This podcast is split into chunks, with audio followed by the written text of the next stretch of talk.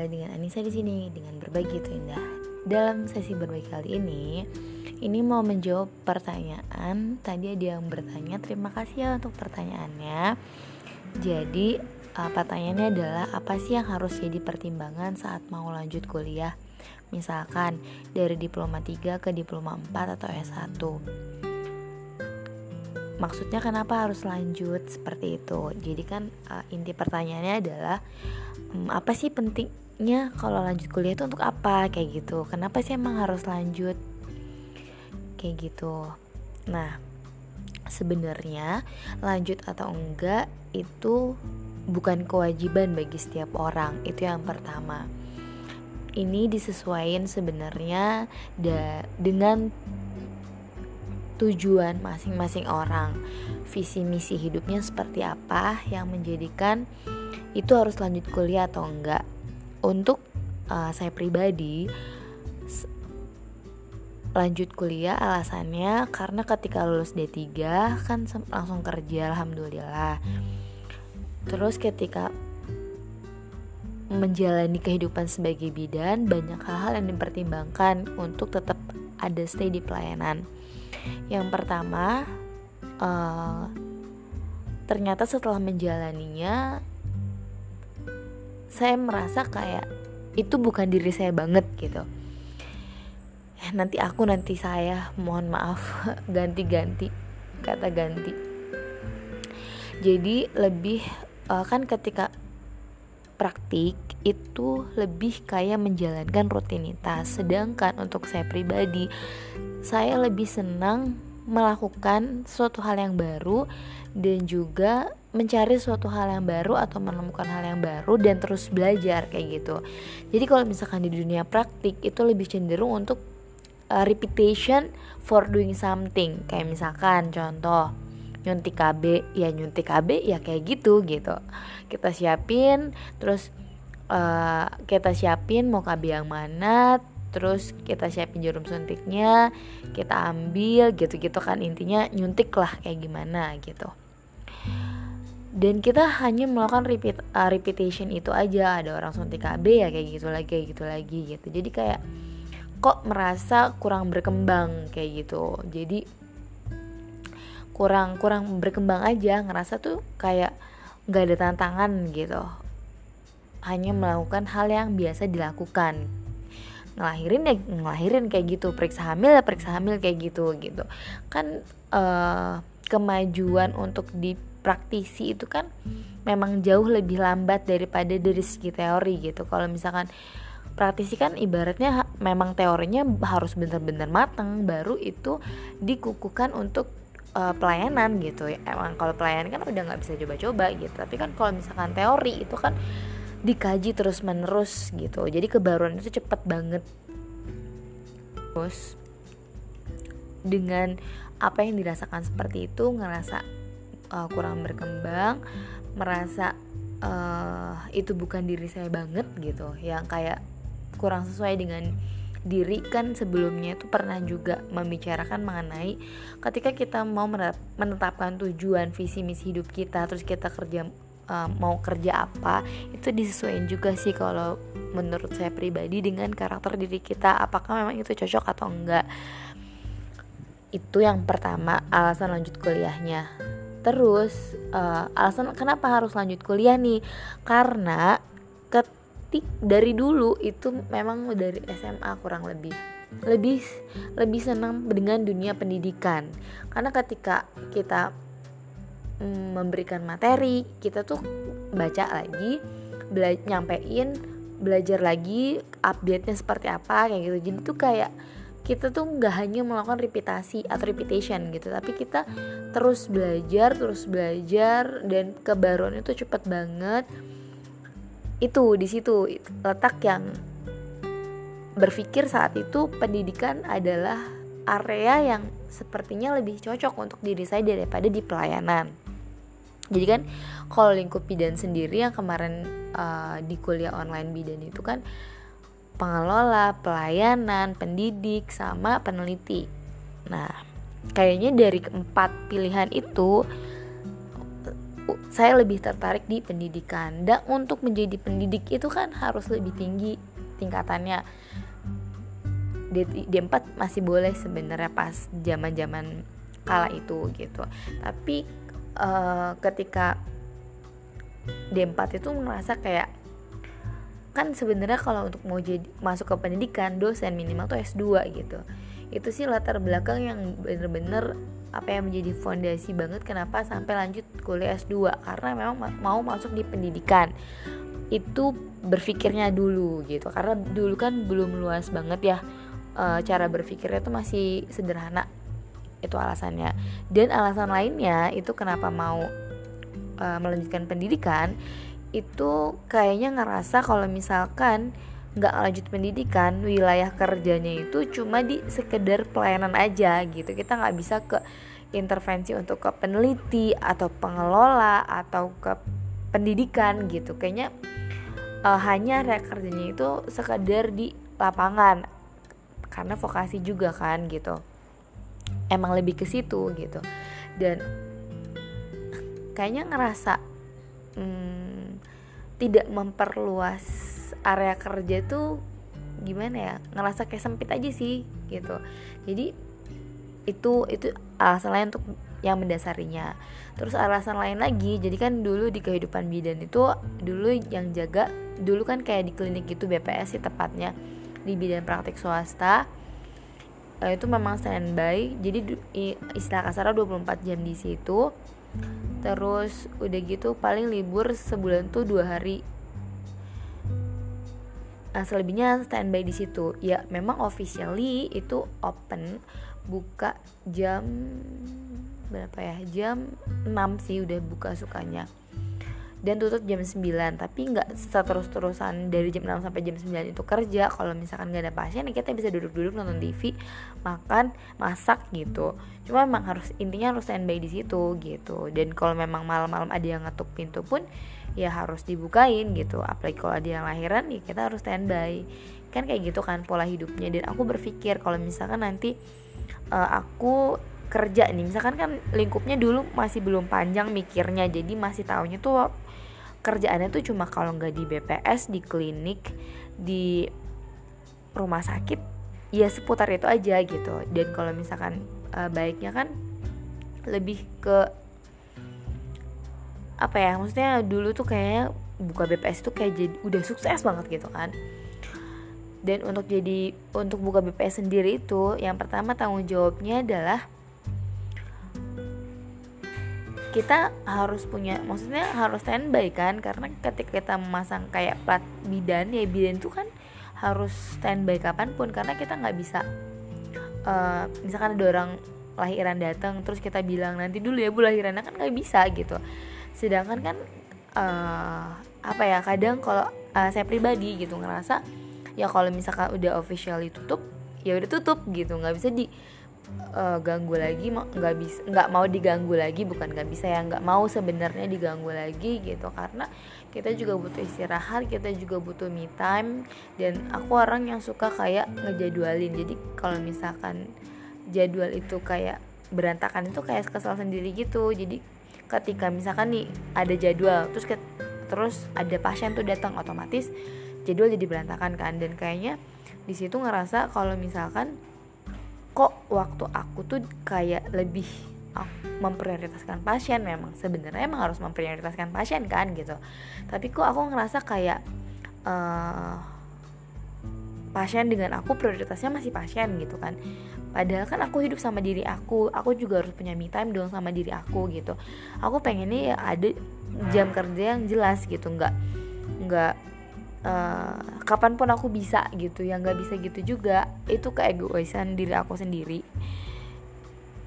Sebenarnya. Terus juga aku mikirnya ketika misalkan udah nikah nanti anak-anak mungkin lagi sakit atau kayak gimana harus dijagain tuh ada pasien ya gimana gitu kan. Maksudnya kayak dilema gitu loh dilema antara uh, diri sendiri terus keluarga dan pasien gitu. Jadi segala sesuatu tuh kayaknya pasien pasien pasien gitu. Kok kayak kehidupan aku tuh untuk pasien gitu loh. Dan aku nggak mau kayak gitu.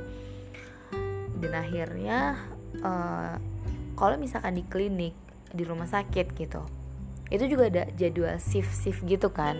Dan aku dulu mikirnya udah ada panjang. Kalau misalkan aku udah berkeluarga terus aku shift malam. Terus suamiku misalkan malam itu udah di rumah dan pagi sampai sore misalkan kerja. Terus nanti ketika suami datang malah aku ada di rumah sakit atau di klinik gitu kan. Nggak nggak banget gitu loh. Nggak banget nggak banget deh pokoknya shift shiftan kayak gitu. Jadi kayak ngerasa uh, untuk jangka panjangnya itu nggak masuk di kehidupan aku di visi misi hidup aku kayak gitu. Dan kayaknya tuh jenjang karirnya tuh kok lama gitu. Paling jadi bidan desa terus uh, di puskesmas di klinik yang kayak saat itu mikir tuh kayak pengembangan diri tuh susah banget. Sedangkan aku adalah orang yang mau explore segala sesuatu mau pokoknya tuh ya freedom itu menjadi kayak bagian dari kehidupan aku gitu. Makanya hmm, ya jadi kayak seneng aja sih seneng explore freedom nggak mau dibat senang banget freedom dalam arti freedom pun punya batasnya gitu. Tapi ya freedom mengatur waktu aku. Intinya itu sih dan ketika pada saat itu aku merasa aku nggak punya freedom. Kalau aku tetap di pelayanan jenjang karirnya pun seperti itu gitu. Yang dulu kan belum mikir bisa ini bisa itu gitu. Masih pendek lah pikirannya belum terbuka.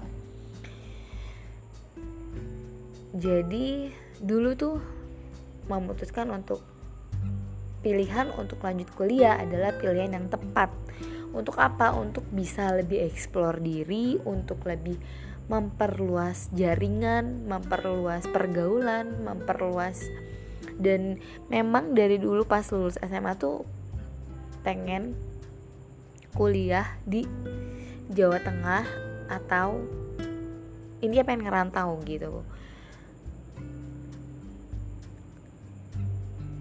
dan pengen kuliah di universitas kenapa gitu. Karena kayak lebih luas aja sih cakupannya gitu.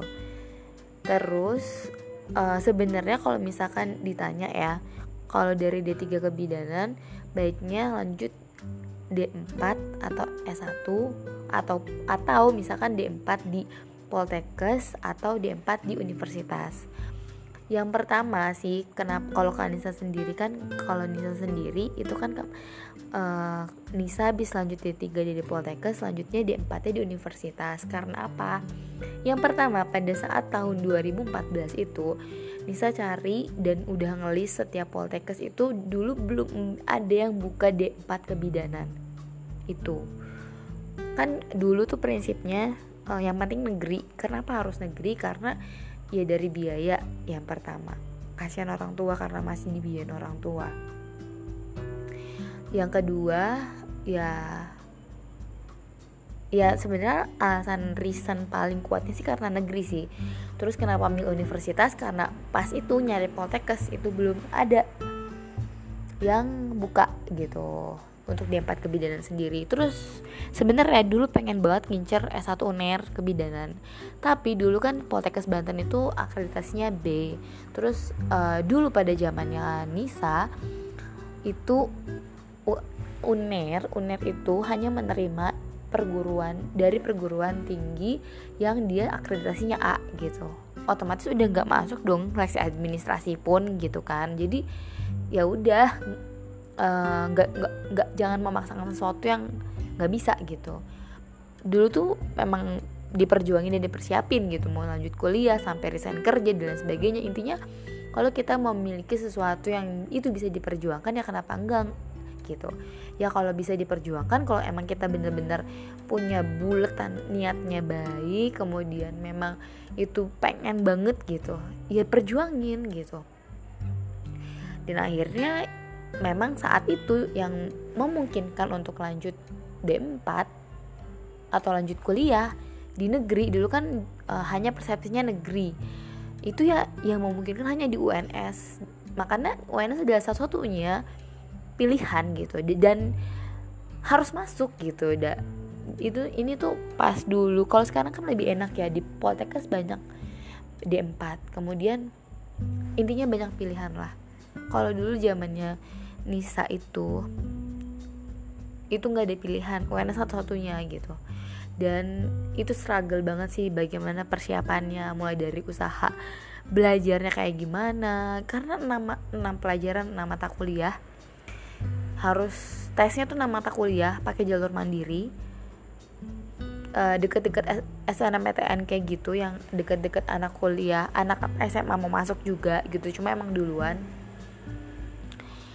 dan uh, jangan hanya mengandalkan usaha karena segalanya adalah takdir Allah rayu Allah gitu. Dengan dengan ya doa terus ngerjain sunah-sunahnya tuh rajin banget dulu karena memang pengen banget gitu. Aku harus lanjut kuliah nih. Ini adalah salah satu jalan aku untuk bisa eksplor diri untuk be, be, be yang kemarin dijelasin itu ada di PPT yang be better person and be better life gitu jadi ya harus lanjut kuliah. Itu salah satu cara untuk mengejar passion mengejar kan yang kemarin pernah dijelasin juga kalau ketika kita bekerja ada dua pilihannya. Apakah kita mendapatkan pekerjaan yang kita cintai atau kita harus mencintai pekerjaan kita. Dan Nisa milih pengen ya gitu. Aku mendapatkan pekerjaan yang aku cintai. Jadi aku mengejar passion aku untuk di dunia pendidikan. Aku mengejar kerja yang memang itu selaras juga dengan diri aku, passion aku, kesukaan aku. Yang jadi kerja itu bukan menjadi burden tapi menjadi ya kayak refreshing, bahagia gitu. Karena dulu ngerasa ketika kerja di BPS itu aku ngerasa sehari pun dilewati itu lama banget lama lama lama lama banget sehari itu karena ya yang namanya bukan diri kita gitu. Padahal tempatnya itu enak banget gitu. Bidannya pun baik banget banget banget banget. Ibaratnya kurang apa sih gitu? Gaji udah bersih gitu. Karena dulu segala makan terus udah gitu tempat tinggal udah ada. Terus bahkan sampai kayak deterjen gitu-gitu tuh udah disediain cuma tinggal jaga udah gitu dapat uh, gaji bersih tempat tinggal disediain makan ada mau makan apa pun mau masak apa pun istilahnya ya bisa gitu. Yang penting dicatat keuangannya kayak gitu. Tapi kita juga kira-kira sih kalau namanya juga uang orang gitu. Karena kita kan yang jaga BPS-nya itu uang itu kita yang megang gitu. Jadi emang kejujuran itu benar-benar dan alhamdulillah tuh dipercaya sama bidannya. Dan bidannya tuh baik banget dan banyak ngajarin dan menjadi teladan banget. Cuma itu gitu di samping kondisi aku yang enak lingkungan dan lain sebagainya kondusif ya aku nggak boleh ada di comfort zone. Aku harus ngejar passion aku harus aku, kayak ngerasa tuh dulu ketika kerja itu aku kayak ngerasa hidup tapi nggak hidup gitu Nger, um, paham nggak maksudnya? Hidup nggak hidup itu seperti apa gitu. Tapi sebenarnya kan kembali lagi ya yang namanya lanjut atau enggak itu bukan kewajiban. Itu kalau misalkan memang passionnya di di pelayanan gitu ya kembangin aja jadi expert gitu di pelayanan mau jadi bidan desa atau di mana di mana ikutilah passionmu ikutilah uh, kata hatimu ikutilah mimpimu gitu. Kan ibaratnya kalau misalkan uh, mau ngejar kaya pun istilah kasarnya gitu ya bisa aja. Kalau kita expert maksudnya kalau kita emang ahli di bidang itu kita ya kayak gitulah istilahnya buka BPS dan kita bisa ngelola dengan baik kayak gitu. Ya bisa-bisa aja. Apalagi kalau misalkan memang udah passionnya di situ dan uh, apa ya menikmati banget jadi bidan gitu. Ya nikmatin. Nikmatin kembangin. Tapi memang disarankan juga sih untuk lanjut kuliah karena kan uh, ke depannya kita harus bisa memprediksi masa depan juga. Ke depannya itu bidan bakal jadi kayak dokter. Jadi S1 profesi baru bisa jadi bidan kayak gitu. Terus kenapa sih itu jadi yang D3 itu problemnya kayak yang D1 dulu? Dulu kan minimal bidan itu D1 dan sekarang udah minimal bidan D3 Nah, kenapa di sini ada pergeseran atau pergantian seperti itu? Itu karena ketika kita baca sejarahnya, karena adanya dulu tuh D1 SPK malah ya sebelum D1 adanya kebutuhan gitu kebutuhan yang memang dibutuhkan mencetak cepat gitu akhirnya D1 lah tuh banyak bidan. Terus ketika bidan sudah mulai tercukupi untuk meningkatkan kualitas minimal D3 gitu.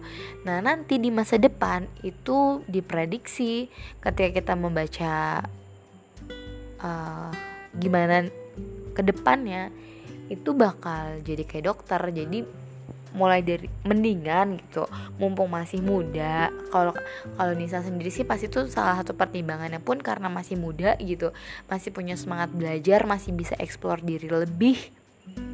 Dan masih sendiri gitu yang belum punya ibaratnya uh, seorang yang menjadi tanggung jawab gitu. Anak kan kita ibaratnya kalau udah anak udah beda lagi ya kita harus kayak sebisa mungkin dia kasih yang terbaik untuk anak gitu jadi pertimbangannya masih muda, masih ada semangat belajar dan ketika mendiskusikan dengan orang tua, alhamdulillah orang tuanya juga support gitu. Ketika kita menyampaikan dengan uh, baik, dengan apa ya brainstorming yang kemarin diceritain juga, brainstorming sama orang tua, kita maunya seperti apa, kayak gitu. Tujuan kita ke mana, arahnya seperti apa, niatnya seperti apa. Kalau udah dapet terus dari orang tua, ya ngegas gitu. Maksudnya maju terus itu. Jadi sebenarnya kalau untuk saat ini memang belum urgent mungkin ya kalau emang passionnya di pelayanan ya D3 juga nggak masalah.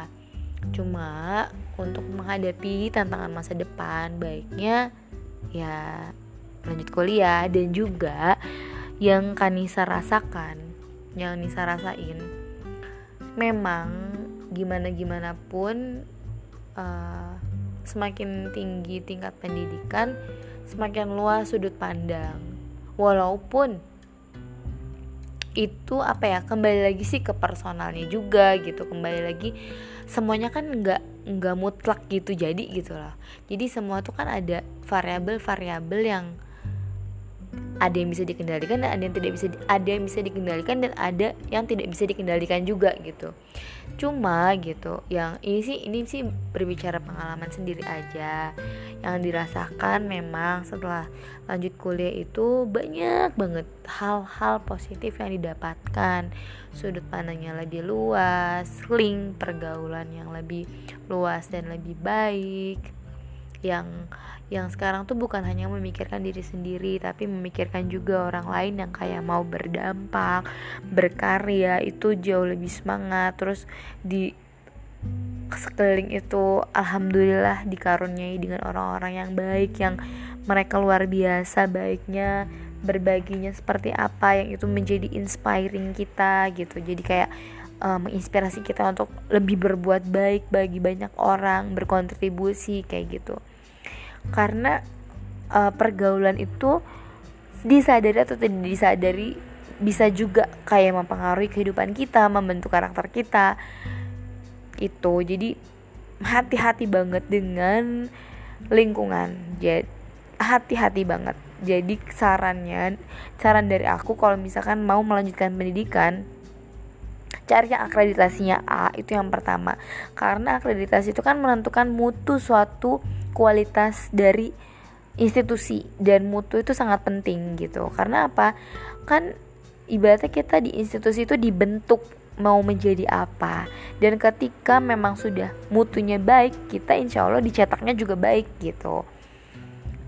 Mulai dari kualitas dari pengajar seperti apa itu kan penilaian mutu holistik ya dari fasilitas, kemudian pengajarnya seperti apa gitu, kualitas dari si pengajarnya, kemudian serapan alumni yang seperti apa kayak gitu kayak gitulah gitu. Dan dan lingkungan itu kan yang itu yang ketika kita bisa mencapai sesuatu hal yang mm, lebih baik lingkungan kita menjadi lebih baik dan dengan harapan lingkungan yang baik itu bisa mempengaruhi diri kita menjadi lebih baik lagi kayak gitu ini masih pertanyaan pertama ya, ya. Tapi udah 25 menit.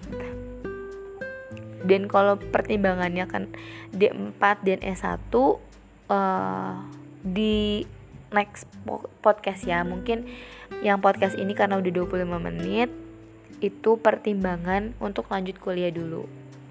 Kalau Kanisa sendiri sih mendorong banget untuk setiap orang tuh kalau misalkan bisa gitu lanjutlah dan pilih uh, universitas yang terbaik universitas atau institusi yang terbaik akreditasi itu juga diperhatiin. Tapi kalau misalkan tingkat urgensinya belum urgen ya nggak masalah juga.